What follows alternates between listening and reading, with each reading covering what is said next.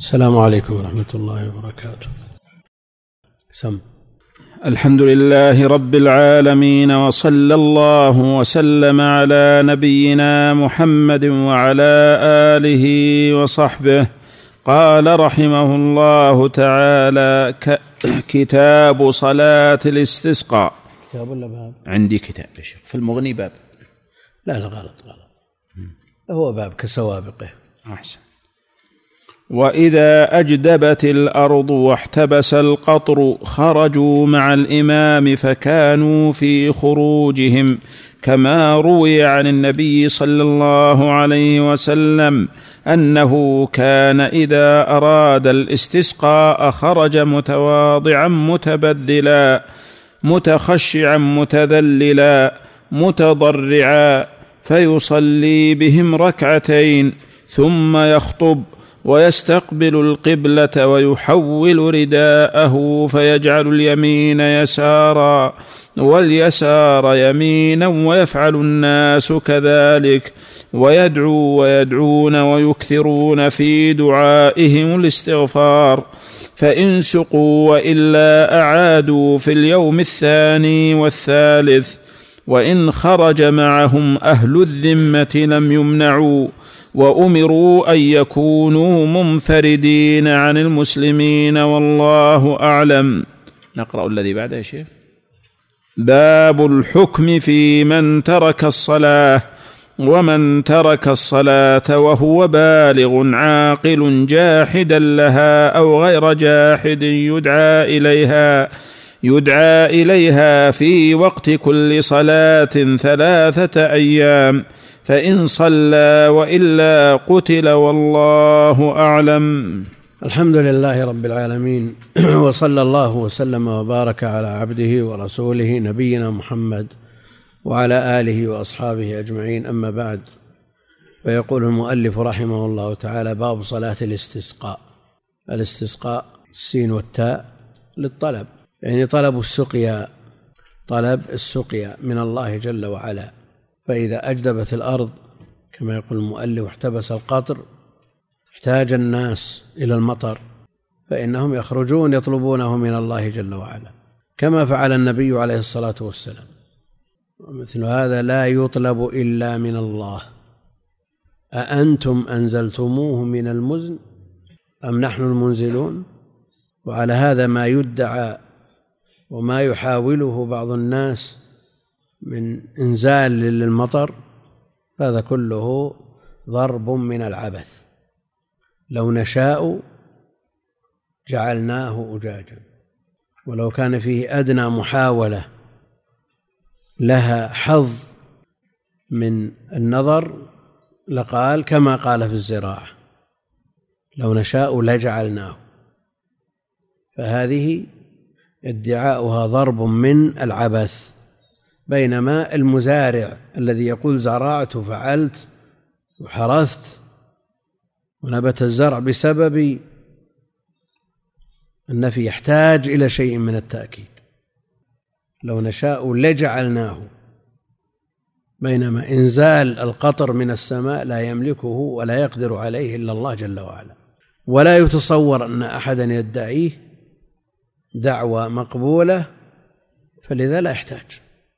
وفرق بين أن يكون من يسمع الخبر خالي الذهن من الخبر ويصدقه بأول وهلة لعدم المعارض فتقول جاء زيد. وإذا كان عنده شيء من التردد تحتاج أن تؤكد له إن زيدا قادم. فإذا زاد تردده زدت في التأكيد فقلت إن زيدا لقادم. فالقطر بيد الله جل وعلا. ويبحثون في مسائل المطر والغيث ما قرره أهل الهيئة من القدم من أن حقيقته أن الشمس إذا تسلطت أشعتها على البحار تبخر الماء من البحار. ثم بعد ذلك إذا لامس طبقات الجو تكثف وصار سحاب. وهذه وهذا الكلام قديم ليس بمستحدث من الحكماء القدامى قالوا هذا وأشار إليه ابن القيم وغيره. وأبو ذؤيب الهذلي يقول شربنا بماء البحر ثم ترفعت. متى لجج لهن نئيج. لهن تصويت بالسحاب والمطر. فأبو أبو ذؤيب يقر هذه النظرية. لكن الذي يرد ويتساءل عنه كثيرا لو كان الأمر كذلك لماذا صارت الأمطار في الشتاء أكثر منها في الصيف؟ مع أن حرارة الشمس في الصيف أكثر منها في الشتاء.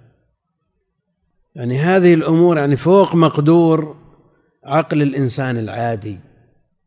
قد يكون هناك آلات تعين على الوصول إلى الحقيقة لكن الإنسان العادي قد لا يدرك هذه الأمور.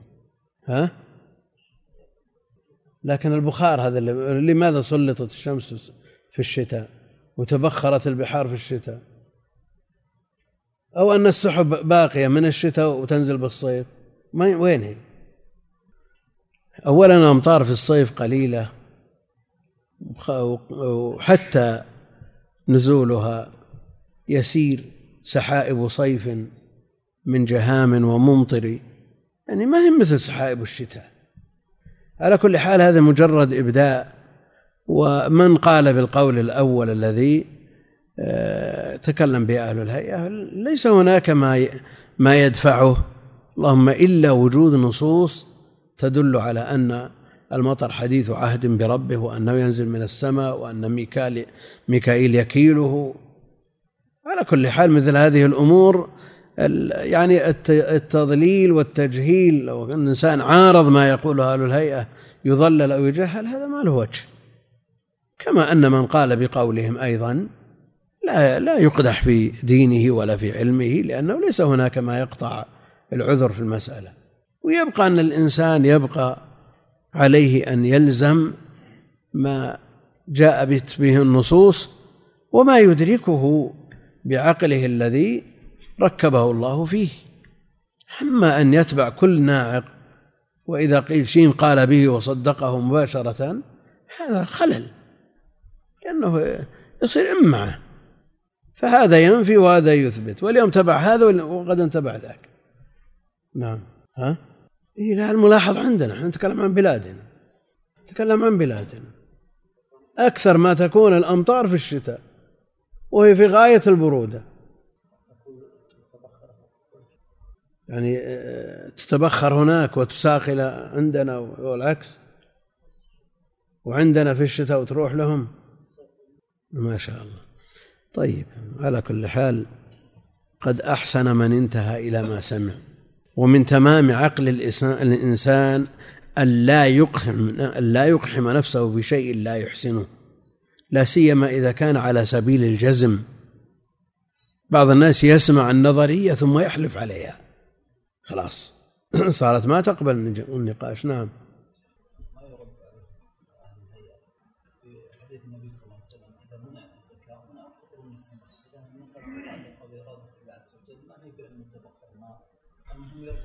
لا شك أن كل شيء بقدر. لا شك ولا ريب ولا تردد في أن كل شيء بقدر.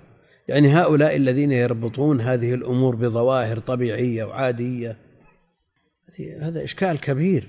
يعني معناه أننا لا نرجع إلى ربنا. ننتظر إلى أن تأتي الشمس تبخر وتنزل. وين هو الشمس الذي بخرت هذه السنة ما بخرت العام الماضي. وين هي؟ إذا كانت المسألة أسباب مادية. أسباب هذه المصائب وهذه الكوارث سواء كانت احتباس مطر أو كسوف أو خسوف أو زلازل أو هزات أو ما أشبه ذلك هذه الأمور لا شك أنها مرتبطة بأسباب فبما كسبت أيديكم ويعفو عن كثير. يقول رحمه الله تعالى إذا إذا أجدبت الأرض واحتبس القطر خرجوا مع الإمام. هنا الباب معقود للصلاة. صلاة الاستسقاء. لا للاستسقاء فقط إنما هو لصلاة الاستسقاء التي عبارة عن صلاة ركعتين ودعاء وتضرع إلى الله جل وعلا. وإلا فالاستسقاء له أنواع. عددها ابن القيم أوصلها إلى ستة منها ما كان بالصلاة وهو المقصود عندنا وما منها ما كان ما كان في خطبة الجمعة واستسقى النبي عليه الصلاة والسلام وجالس في المسجد واستسقى عند أحجار الزيت واستسقى في غزوة سبق فيها إلى الماء وفي كل مرة يسقون يسقون من استسقاءاته عليه الصلاة والسلام. واستسقى الأخيار خيار الأمة ومع ذلك ينزل المطر. يثقون بالله جل وعلا وليس عليه عند لديهم من المخالفات من موانع القطر مثل ما عندنا. إذا قيل إن غد غدا استسقاء تأهبوا وأصلحوا الخلل في بيوتهم ثقة بما عند الله جل وعلا. وينزل المطر. استسقى النبي عليه الصلاة والسلام وهو على المنبر فما رأوا الشمس سبتا تتابع المطر عليهم إلى الجمعة الماضية حتى طلب رفعه لأن الناس تضرروا به. ثم قال اللهم على الضراب والآكام بطون الأودية إلى آخره. فوقف فورا لكن قد يقول قائل هذا المصطفى عليه الصلاة والسلام أفضل الخلق. نقول حصل لمن تبعه واتبعه بقوله وفعله بعلمه وعمله. نظير هذا. استسقى عمر رضي الله تعالى عنه بالعباس فسقوا. وقال اللهم كن كنا إن كنا نستسقي بنبيك فتسقينا والآن نستسقي بعم نبيك والمراد بدعائه لا بذاته. بدعائه لا بذاته. واستسقى معاوية رضي الله عنه بيزيد بن الأسود الجرشي وسقوا. على كل حال ما زال الناس يتركون الأمر للأخيار. وهكذا ينبغي أن ينتقى من يدعو للناس ويؤمنون وراءه. لا تكون خطب الاستسقاء مقامات ألفاظ براقة أسجاع وانتقاء ألفاظ ولا شيء. ومع ذلك على الناس أن يرجعوا إلى الله ويتوبوا إليه ويتخلصوا من المظالم والمعاصي والمنكرات والجرائم التي جاءت النصوص بأنها تمنع القطر. ونسمع في كل بيان من ولاة الأمر يحددون فيه موعدا لصلاة الاستسقاء ومع ذلك يضمنونه نصح الناس وإرشادهم إلى التوبة والاستغفار ورد المظالم وإلى آخره. هذا كلام طيب ويشكرون عليه لكن أيضا الناس بحاجة إلى فعل وأطر على الحق للتخلص من هذه المنكرات من هذا السيل الجارف والبلد. تعرفون مغزو من من من الأعداء من كل جهة. فالمسألة تحتاج إلى تضافر جهود في إرجاع الناس إلى حظيرة الدين. فالولاة عليهم حمل عظيم والعلماء عليهم أيضا كذلك البيان للناس وأيضا طلاب العلم عليهم وعامة الناس أيضا عليهم الاستجابة والامتثال يعني لما قامت سوق الأسهم هرع الناس إليها من غير استفتاء. فلما حصلت الكارثة والنكسة لاموا أهل العلم لماذا لا يبينون؟ أنت جيت لأهل العلم وسألتهم. كثير من الناس يسأل ويروح يساهم. يقال له هذه ليست نظيفة فيها مختلطة ويروح يساهم. يقول لأن فيه من يفتي. ثم لما حصل ما حصل لاموا أهل العلم. لماذا؟ هذه هذه وظيفتهم البيان. نعم وظيفتهم البيان. لكن مع ذلك أنت أيضا وظيفتك يلزمك أن تسأل أهل العلم. فاسألوا أهل الذكر إن كنتم لا تعلمون. ثم إذا سألت يلزمك أن تلتزم بالجواب. في بداية الأمر لا يسأل وإذا سأل ما امتثل. ثم يلوم بعد ذلك. هذه عقوبات من الله جل وعلا. والله المستعان. لهث وراء الدنيا وانصراف عن الآخرة ومع ذلك نقول نستسقي نستسقي. يدب يدب اليأس والاستحسار إلى قلوب الناس حتى أنه يصرح بعض الناس. يقول والله ما له داعي تستسقون. هذا استهزاء. سمعناه هذا الكلام. يقول هذا استهزاء نستسقي ونحن مصرون على ارتكاب الموانع. نقول يا أخي اتق الرسول عليه الصلاة والسلام بذل السبب ونحن نبذل السبب. وكما تطلب تطلب يطلب انتفاء الموانع تبذل الأسباب. وأنت عليك أن تفعل ما بيدك أصلح نفسك. قال رحمه الله وإذا أجدبت الأرض واحتبس القطر خرجوا مع الإمام. لأن النبي عليه الصلاة والسلام وعدهم يوما يخرجون فيه. وخرج بهم إلى المصلى متخشعا متذللا متبذلا متواضعا متضرعا. فصلى بهم ركعتين ثم خطب. الخطبة هذه فيها تمجيد وحمد وثناء لله جل وعلا وتلاوة شيء من آياته التي تتعلق بالاستغفار والاستسقاء ثم بعد ذلك يدعو بالأدعية المأثورة.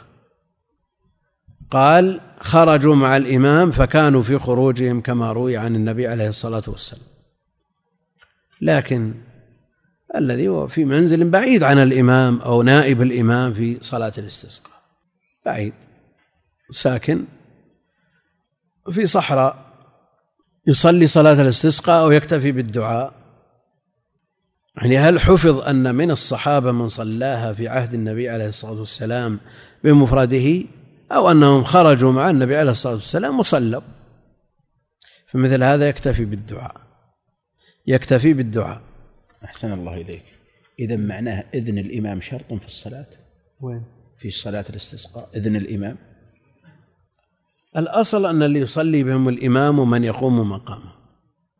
الإمام لكن إذا كان الإمام ممن لا, ممن لا يهتم لإحياء السنن وسعى لإماتة بعض السنن لا شك أن الناس يحيونها بما يستطيعون من من أسلوب بحيث لا يتصادمون معه ويحصل معه أحسن المفاسد. يعني لو أجدبت ناحية من النواحي دون بقية البلاد فهل يحتاج أهل هذه الناحية إلى إذن الإمام العام ليستسقوا؟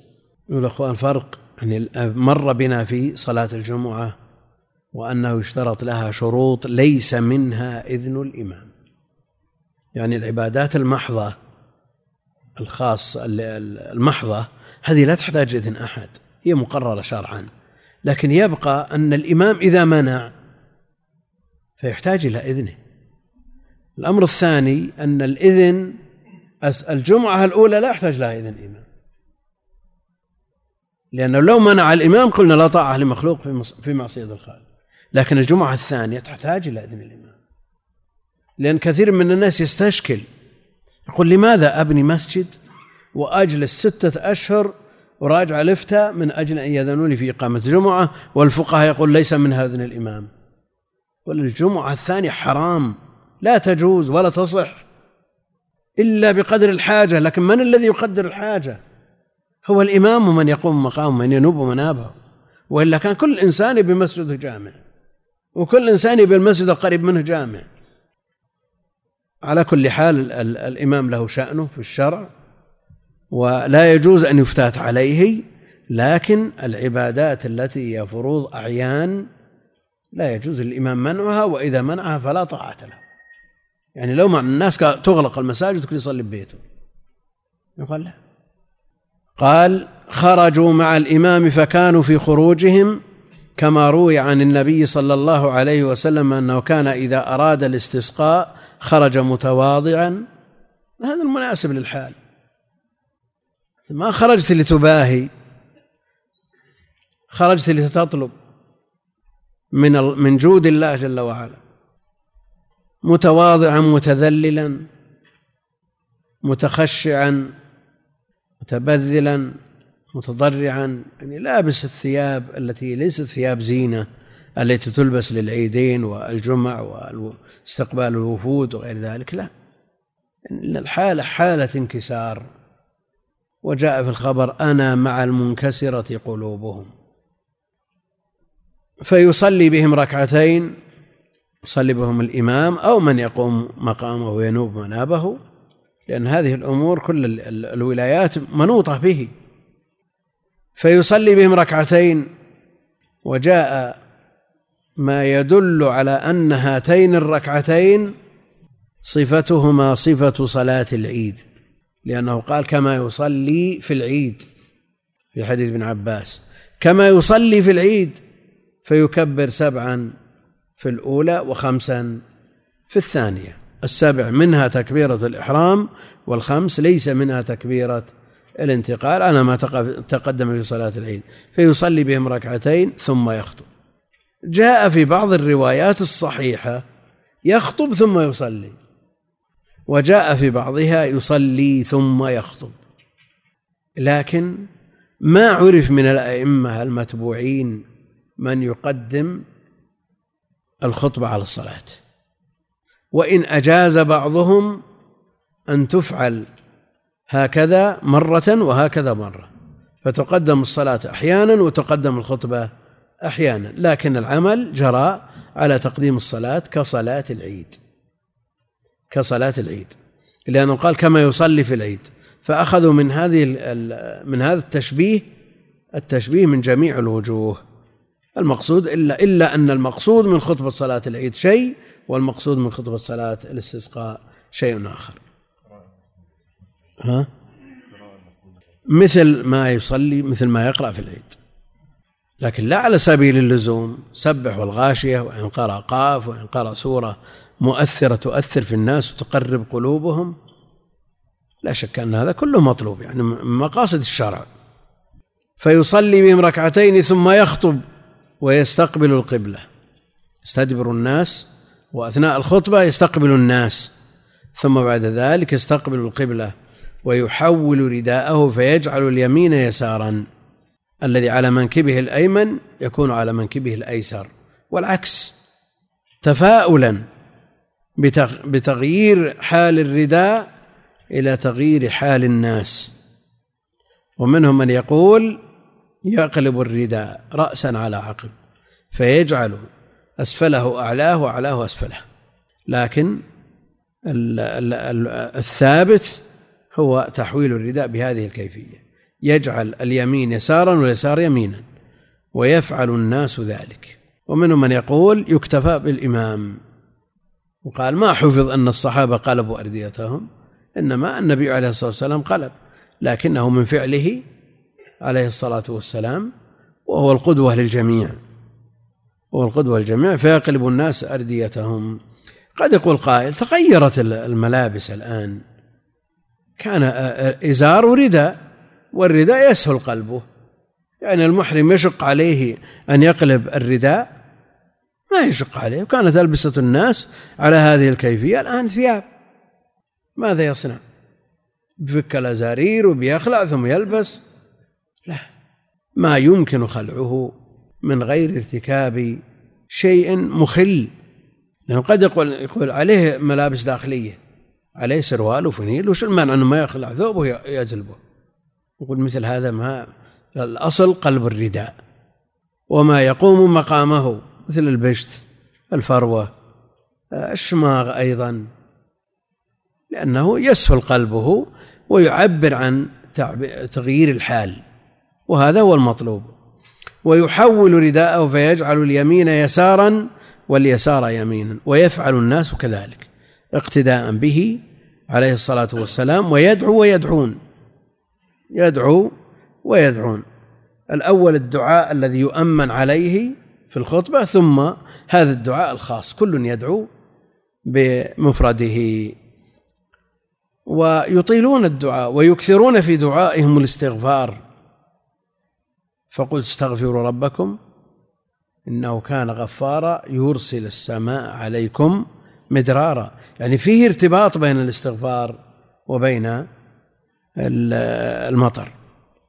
يقول فإن سقوا فإن سقوا وإلا عادوا في اليوم الثاني والثالث. يعني كسائر الأدعية الإنسان يكرر ويلح على الله في دعائه. والله جل وعلا يحب الملحين في الدعاء ولا يجوز للإنسان أن ييأس ويستحسر.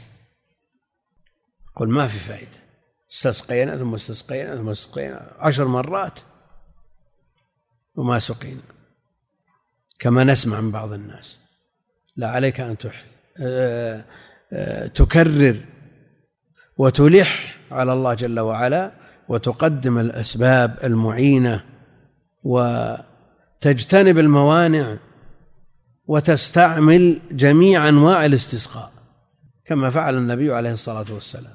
والاستسقاء بالصلاة كما تقدم يتولاها الإمام ومن يقوم مقامه وأما بالنسبة بالدعاء آه، في خطبة الجمعة هذه يتولاها الخطباء ومن شأنهم ذلك. وأما بالنسبة للاستسقاء بالدعاء وهو جالس أو قائم أو يملكه كل أحد. فهذه حاجة حاجة ألمت بالمجموع فعليهم طلب رفعها جماعات ووحدان كل فيما يخصه.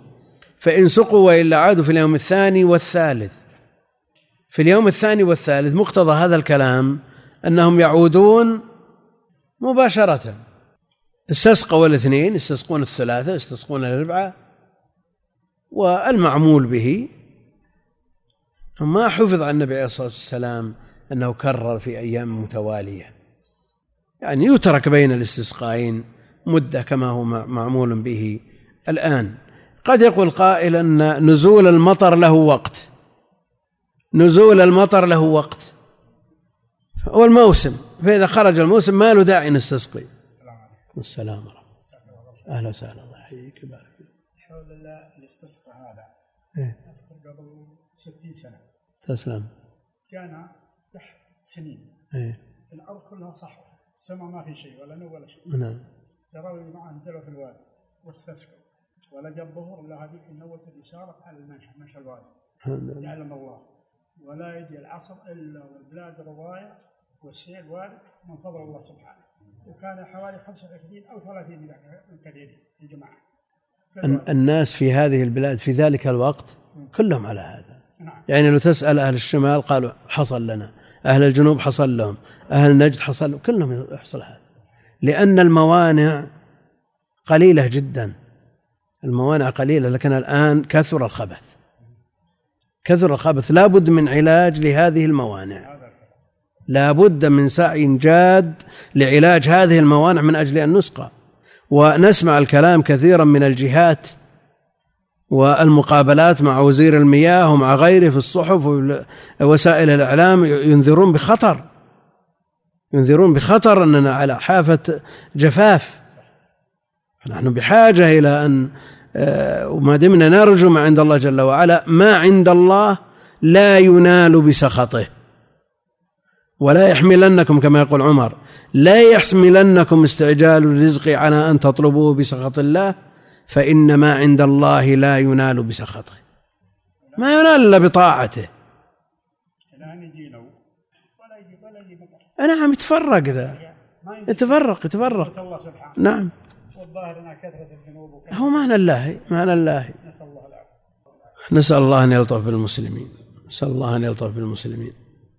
يقول فإن سقوا وإلا عادوا في اليوم الثاني والثالث وإن خرج معهم أهل الذمة لم يمنعوا.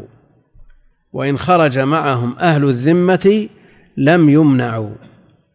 لأنهم هم بحاجة أيضا إلى المطر. هم بحاجة إليه وهم آه، يعترفون بوجود الله جل وعلا وأن الأمور بيده. وإن كان عندهم شرك وهم كفار لكن يبقى أنهم يحتاجون إلى هذا المطر. ويقول سليمان سقيتم بدعوة غيركم. سقوا بدعوة نملة. نعم. الله. فلا يحتقر أحد. مع أن مع ما عندهم من ضلال.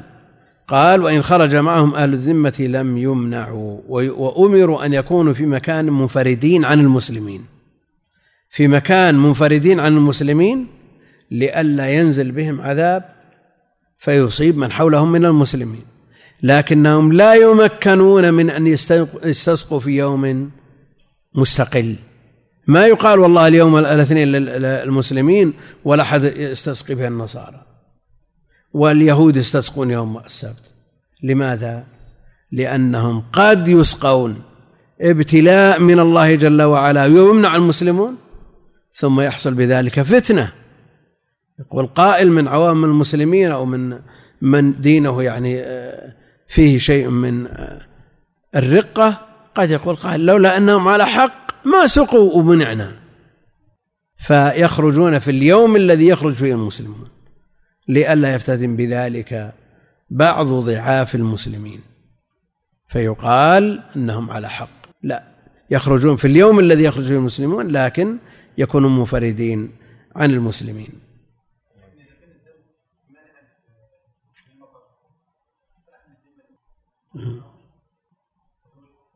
لكن الله جل وعلا هذه موانع نعم لكنها ليست موانع حتمية. المسلمون مع ما عندهم من ذنوب قد يمطرون وحصل لهم الله الحمد خير هذه السنة. مع من مع ما عندهم مع أنهم في العام الماضي الأمر آه، المطر نادر جدا. لا سيما ذنب آه، الذين قالوا إن الله اتخذ ولدا. تكاد السماوات يتفطرن منه. هذا ذنبهم عظيم لكن يبقى أنهم إذا سقوا ابتلاء. لا يسقون سقيا رضا يسقون سقيا ابتلاء. يحصل للمسلم من الابتلاء ويحصل لهم أيضا ابتلاء لكن الخوف على المسلمين ضعاف. الدين من المسلمين بيقول لك ها شوف مطروا ولو مع ما يشاع الآن من كونهم آه، يعني بعض من يروج لأهل الكتاب وأنهم داخلون أنها ديانة سماوية وديانة مسألة يعني تحتاج إلى ولا يعني أنهم إذا مطروا ولم نمطر أنهم ما عندهم عندهم موانع. أكثر من المسلمين نعم. نعم بلادهم الآن. بلادهم. وهذا مصداق للحديث الصحيح. الجن الدنيا جنة الكافر وسجن المؤمن. لكن الإشكال أنهم إذا خرجوا يستسقون ثم سقوا. نعم. ها؟ نعم المضطر أما يجيب المضطر إذا دعاه. حتى المسلمون مضطرون لكن المسلمون بصدد أن يبتلوا من الله جل وعلا ليرجعوا. وقد يستسقى الكافر استدراج. قد يستسقى قد يسقى قد يسقى المخالف الذي عنده موانع استدراج. كما أن الله جل وعلا يتابع عليه بالنعم وهو في زيادة في إدباره عن الله عن الله جل وعلا.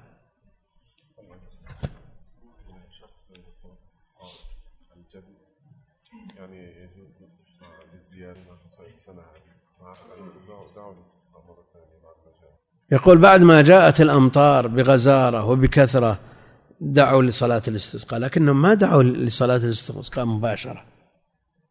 إنما ترك فرصة حتى وجد بلدان بحاجة.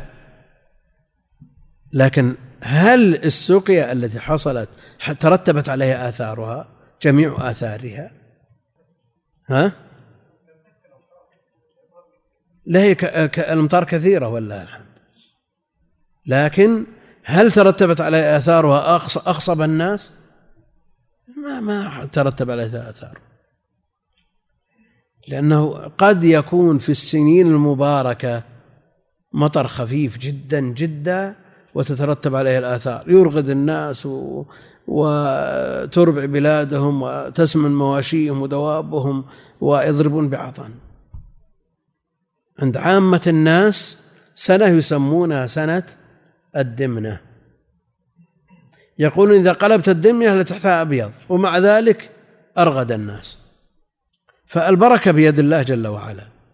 فكونهم أيضا إذا وجد الجدب في في قطر من أقطار المسلمين فالاستسقاء بالنسبة لهم آكد لكن أيضا غيرهم لأن المسلمين كالبنيان يشد بعضه بعضا. يستسقون لهم لهم ها؟ هذا الأصل في صلاة الاستسقاء أنها لا تصلى في المساجد. تصلى في المصليات. صلى العيد وغيره. نعم.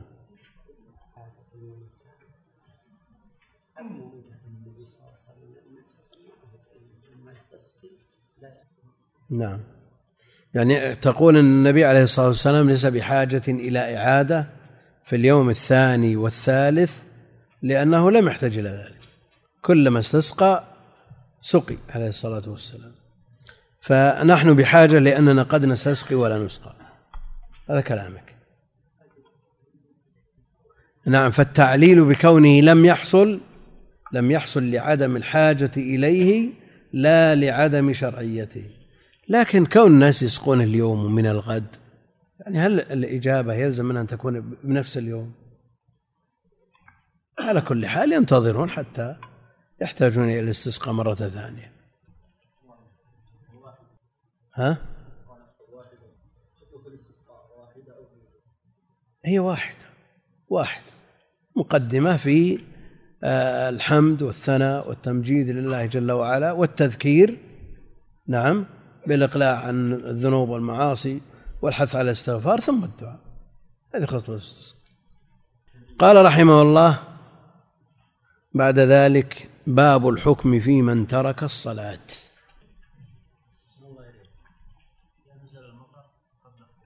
قبل إيش؟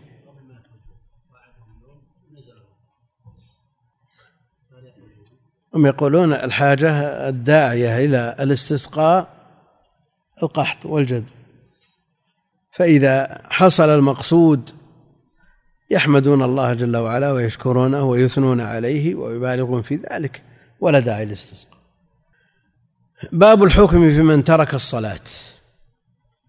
هذا الباب أخره المؤلف.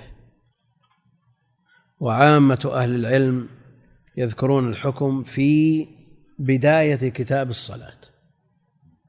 لأن من المبادئ معرفة الحكم. المبادئ العشرة التي تدرس قبل ما يراد دراسته الحكم. لكن قد يقول قائل إن الحكم على الشيء فرع عن تصوره فتأخيره أولى لكن الآن لا ارتباط بين الحكم والتصور. أنت تتصور الصلاة التي يكفر فيها الإنسان. أن تتصور صلاة إجمالا. يعني هل هل تؤخر معرفة الصلاة إلى أن تعرف الحكم أو العكس؟ ما يلزم تمشي معا. الصغير يؤمر لسبع ويضرب لعشر ولو لم يعرف الحكم. نعم. وقد يعرف الحكم ليكون يحث ليحثه على الصلاة. قد يخبر بالحكم من أجل حثه على الصلاة. على كل حال الفقهاء يجعلون الحكم الذي هو من مبادئ ما يدرس في مقدمات العلوم في مقدمة ما يراد دراسته كحكم دراسة الفقه مثلا. هل نجعلها إذا انتهينا من الفقه؟ أو تجعل في المقدمة؟ الفقهاء يجعلون حكم تارك الصلاة في بداية كتاب الصلاة. يجمعون على كفر من ترك الصلاة مع جحده لوجوبها لأنه مكذب لله ورسوله. والصلاة عمود الدين وآكد أركان الإسلام بعد الدخول فيه بالشهادتين. وجاء جاءت النصوص المشددة في أمرها بين العبد وبين الشرك أو قال الكفر ترك الصلاة. العهد الذي بيننا وبينهم الصلاة فمن تركها فقد كفر. عبد الله بن شقيق يقول كانوا لا يرون شيئا. كانوا يعني الصحابة. شيئا من الأعمال تركه كفر إلا الصلاة. مع خلاف أهل العلم في بقية الأركان. هل يكفر أو لا يكفر؟ بالنسبة للزكاة والصيام والحج محل خلاف. فالقول بكفره قول معتبر عند المالكية ورواية عن الإمام أحمد. وأما بالنسبة للصلاة فنقل عبد الله بن شقيق عن الصحابة أنهم لا يرون شيئا تركه كفر إلا الصلاة. ومن أدلتهم ما سمعنا فإن تابوا وأقاموا الصلاة وآتوا الزكاة فإخوانكم. معناه أنهم إذا لم يقيموا الصلاة ولم يؤتوا الزكاة فليسوا بإخواننا ومن كان في دائرة الإسلام فهو أخ لنا. وشرط لتخلية سبيلهم إقامة الصلاة. يعني الآن تدرس هذه المسائل. يعني الأحكام الشرعية محكمة والخلاف في المسألة موجود. لكن هل للواقع الذي عاشه السلف ثم عاشه من بعدهم ثم نعيشه الآن. يعني قبل ثلاثين سنة إذا جاء سائل يسأل أحد من أهل العلم قال عندي ولد؟ ما يصلي. أجعل صلاة الفجر وحجز عنه. قال أطرده لا خير فيه. لكن هل يمكن أن يقال مثل هذا الكلام؟ بوية المسلمين فيها أعداد ليست قليلة من هذا النوع. في القرن السابع الذي هو في الوسط بيننا وبين الصدر الأول عالم من علماء المغرب يقول إن بحث حكم تارك الصلاة هل يكفر أو لا يكفر هذا من افتراضات الفقهاء. مستحيلة الوقوع. مسألة افتراضية يعني كما يقال اقسم مسألة فرائض مات زيد عن ألف جدة. ما يمكن أن يقع مثل هذا لكنه افتراض. يقول ما يتصور ولا مستحيل يوجد مسلم لا يصلي. هذا في القرن السابع. الله المستعان. من علماء المغرب. والآن تجد بيوت الأخيار فيها من لا يصلي. لكن هل ارتكابه لهذه الجريمة العظيمة تجعلك تتركه يأكل ويشرب وينام في بيتك أو تطرده؟ تقول هذا لا خير فيه ولن يعمل عمل أشد من هذا. المسألة مفاسد درء مفاسد وجلب مصالح. والهجر والصلة علاج. فإذا كان الهجر يفيد يعني قبل ثلاثين سنة مثل هذا إذا طرد من البيت وغابت الشمس رجع إلى أهله فورا. وين يروح؟ وين يروح؟ لكن الآن إذا غابت الشمس الليل أفضل من النهار مثل هؤلاء. يتلقفه ألف شيطان. فليس من المصلحة طرده لأنه سوف يضيف إلى هذه الجريمة جرائم أخرى منها اللازم ومنها المتعدي. فمثل هذا تبذل جميع الأسباب من أجل أن يصلي وإذا كانت صلته ومعاملته بالأسلوب اللين أجدى فيسلك معه وإلا فيهجر.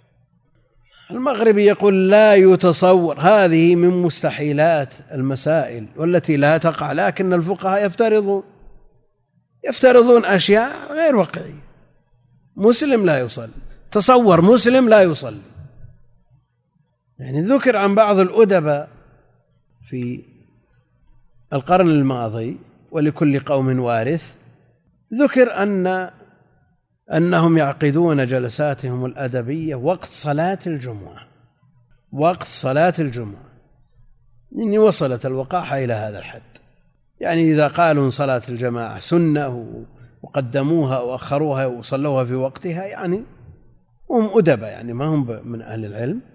والغالب في مجتمعاتهم التساهل. قد لكن صلاة الجمعة التي تتفق عليها المذاهب كلها وأنها لا تصح إلا جماعة وجد التساهل إلى هذا الحد ووجد ما هو أبعد من ذلك وسببه التساهل. سببه التساهل. وتساهل الناس شيئا فشيئا إلى أن وصلنا إلى هذا الحد. ومع ذلك وهذه نعم يجب أن نشيد بها ونحمد الله عليها بلادنا خير بكثير وأفضل من غيرها من البلدان. ومع ذلك أيضا لا يجوز أن ننظر إلى من دوننا في مثل هذا. في باب الدين لا يجوز أن تنظر من دونك. لماذا؟ لأنك تنسلخ من الدين وأنت لا تشعر لأنه ما من سيء إلا وجود أسوأ منه.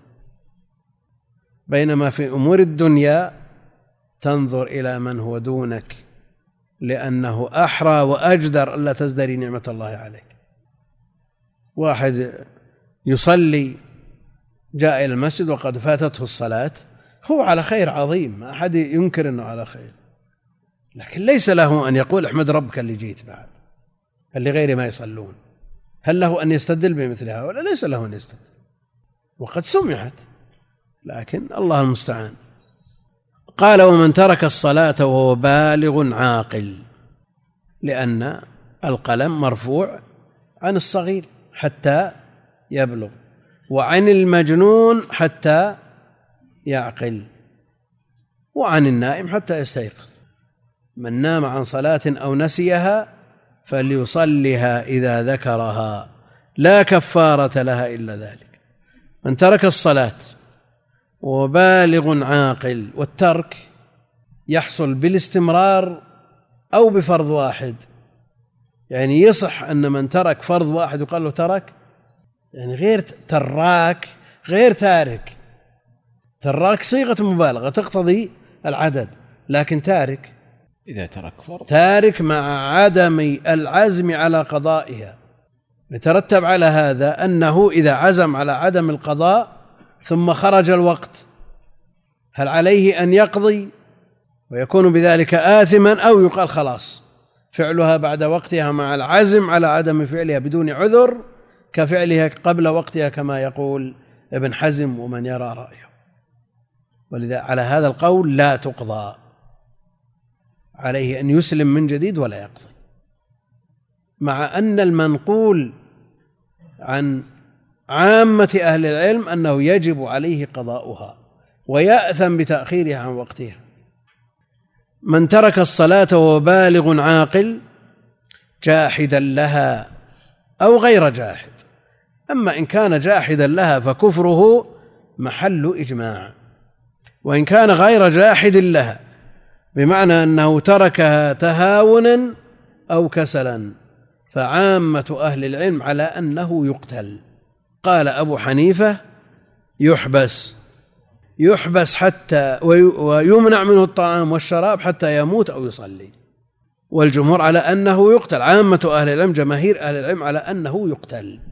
ويختلفون في قتله.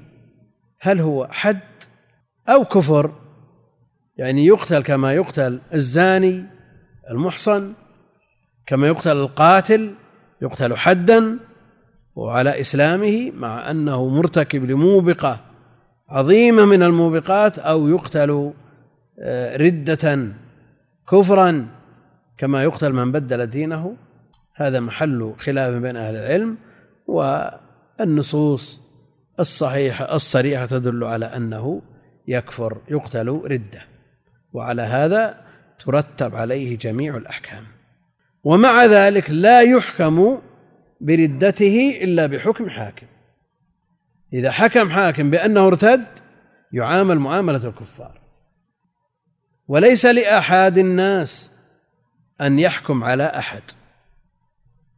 نعم يقف منه موقف آه، فيما يخصه في معاملاته بكذا لكن لا يرتب عليه أحكام لأن حكم المرتد يقتل. هل لأحد الناس أن يقتله لأنه مرتد؟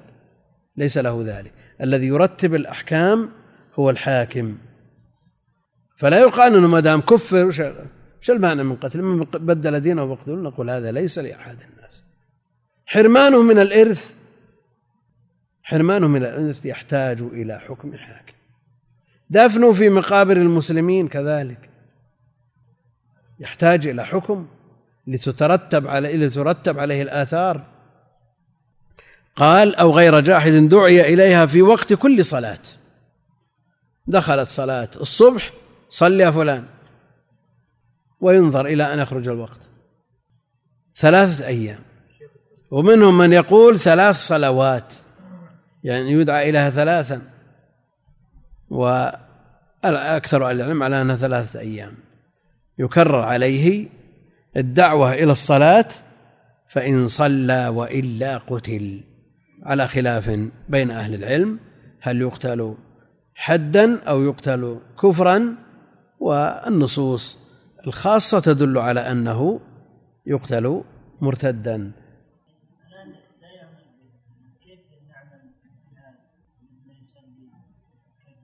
على كل حال أن تفعل ما تستطيع. تنكر عليه وتنصحه وتمحضه النصيحة.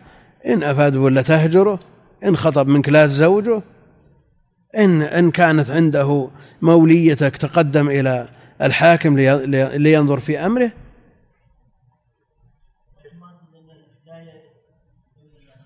ما دامت المسألة خلافية والقول الثاني ليس بضعيف ما يمكن أن يرتب من قبل أحد الناس. لا بد أن يحكم به حاكم. لا ما شيخ الإسلام يقول لا يتصور أن يعترف بوجوبها ويرى بارقة السيف ويصر على تركها. يقول لا يتصور. من تركها مع تهديده بالقتل ممن يملك القتل يقول لا يتصور معه الإقرار بالوجوب. نعم. شو؟ قالوا إذا صلى فمسلم حكما. إذا صلى مسلم حكما لأن الصلاة مشتملة على الشهادة. مشتملة على الشهادة. نعم.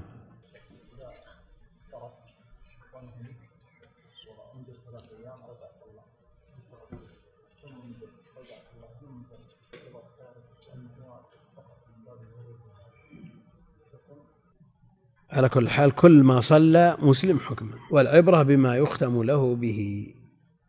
العبرة بما يختم له به. ليظهر إنه إذا أصر على ترك صلاة واحدة حتى يخرج وقت وقتها مع عدم عزمه على أدائها ولا قضائها فإنه يحكم بكفره ثم إن تاب وصلى أسلم من جديد. والله نعم. عنه العزم؟ ها؟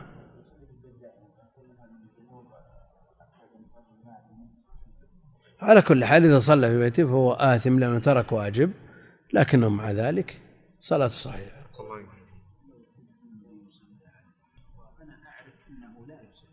على كل حال لا تصلي عليه أنت لكن دعا الأمر بينه وبين ربه نعم يغني عنه وش هو؟ يقول إذا ترك وهو يعزم على أن على إيش؟ لا يصلي. إيش فيه؟ عزم شوي هو ما صلى يعني كوننا نجعل العزم. لأنه قد يعزم على الصلاة ويأتيه ما يمنعه منها شغل عنها يعني. شغل. والله أعلم. وصلى الله وسلم وبارك على عبده ورسوله نبينا محمد وعلى آله وأصحابه أجمعين. يقول أيهما أولى أن يوجه طالب العلم عنايته بالدراسة والتعليق وتقييد الفوائد عليه كتاب المغني أم الشرح الكبير؟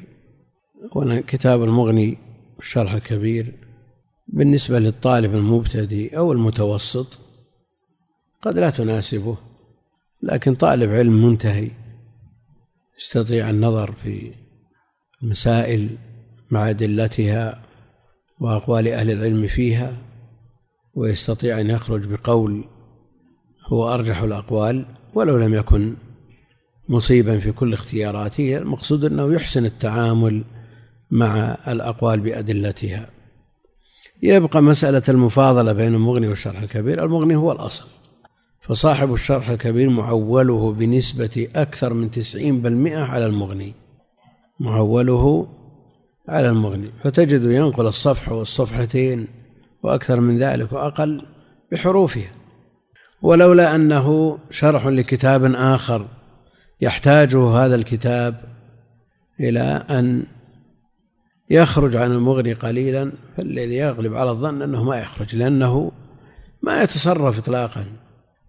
يعني يستفاد من الشرح الكبير في تصحيح بعض الأخطاء الواقعة في المغني وهذا كثير. استفاد من الشرح الكبير يعني ارتباط المغني بالخرقي وهو متن غير مطروق متن متقدم وفيه إعواز كبير في كثير من المسائل والأبواب والشرح الكبير شرح لكتاب المقنع للموفق وهو من متون المتوسطين وفيه شيء من الشمول فباعتبار أن المغني هو الأصل العناية به أولى والتفقه على يد الموفق أو على كتاب الموفق أمتن وأقوى من يتفقه الإنسان على كتاب غيره. وباعتبار أن المغني شرح للخرقي والخرقي معروف أنه مختصر جدا والمسائل فيه قليلة بينما الشرح الكبير شرح للمقنع وشرح شامل وهو أيضا أصل الزاد زاد المستقنع الذي يعتمده أهل علماء هذه البلاد. فقد يحتاج في مسائل الزاد إلى الرجوع إلى المغني فيتعب في البحث عنها بينما في الشرح الكبير ما يتعب في البحث عنها لأن المسائل التي في الزاد هي المسائل التي في المقنع. اللهم إلا أن صاحب الزاد اقتصر على قول واحد أو رواية واحدة من الروايتين. على كل حال الكتابان حكمهما واحد والعلم الموجود في هذا موجود في هذا لكن يبقى أن من له عناية بالزاد ينبغي أن تكون عنايته بالشرح الكبير لأنه ييسر عليه. فالمسائل المسائل والترتيب والترتيب.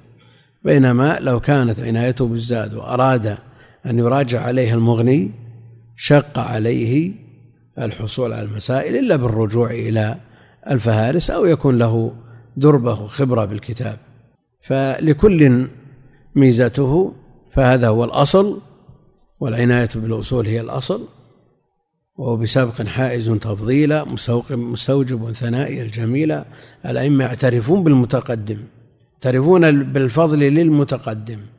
ومع ذلك صاحب المغني أمتن وأفقه من صاحب الشرح الكبير. مثل ما قلنا أن الذي يحتاج إلى الشرح الكبير باعتباره يعاني الزاد.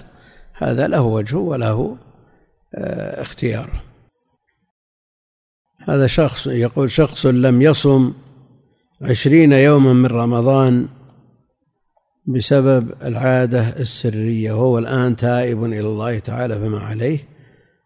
هذا عليه أن يقضي هذه الأيام التي أفطرها وعليه أن يندم ويقلع ولا يعود إلى ما كان عليه وشك أنها مفطرة. مع الأسف أن كثير من الشباب يمضي عليه السنين وهو على هذه العادة وهو لا يعرف أنها تفطر.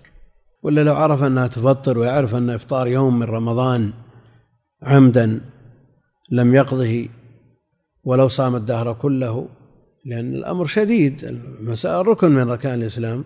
لكن كثير من الشباب قد لا يعرف الحكم ويستحي أن يسأل. على كل حال هي مفطرة والذي سبق له شيء من ذلك يقضي ما أفطره وإن كان قد مر عليه أكثر من رمضان وأفطر تبعا لقول أطعم تبعا لقول الجمهور وقد أحسن وإن لم يطعم فلا شيء عليه إن شاء الله تعالى.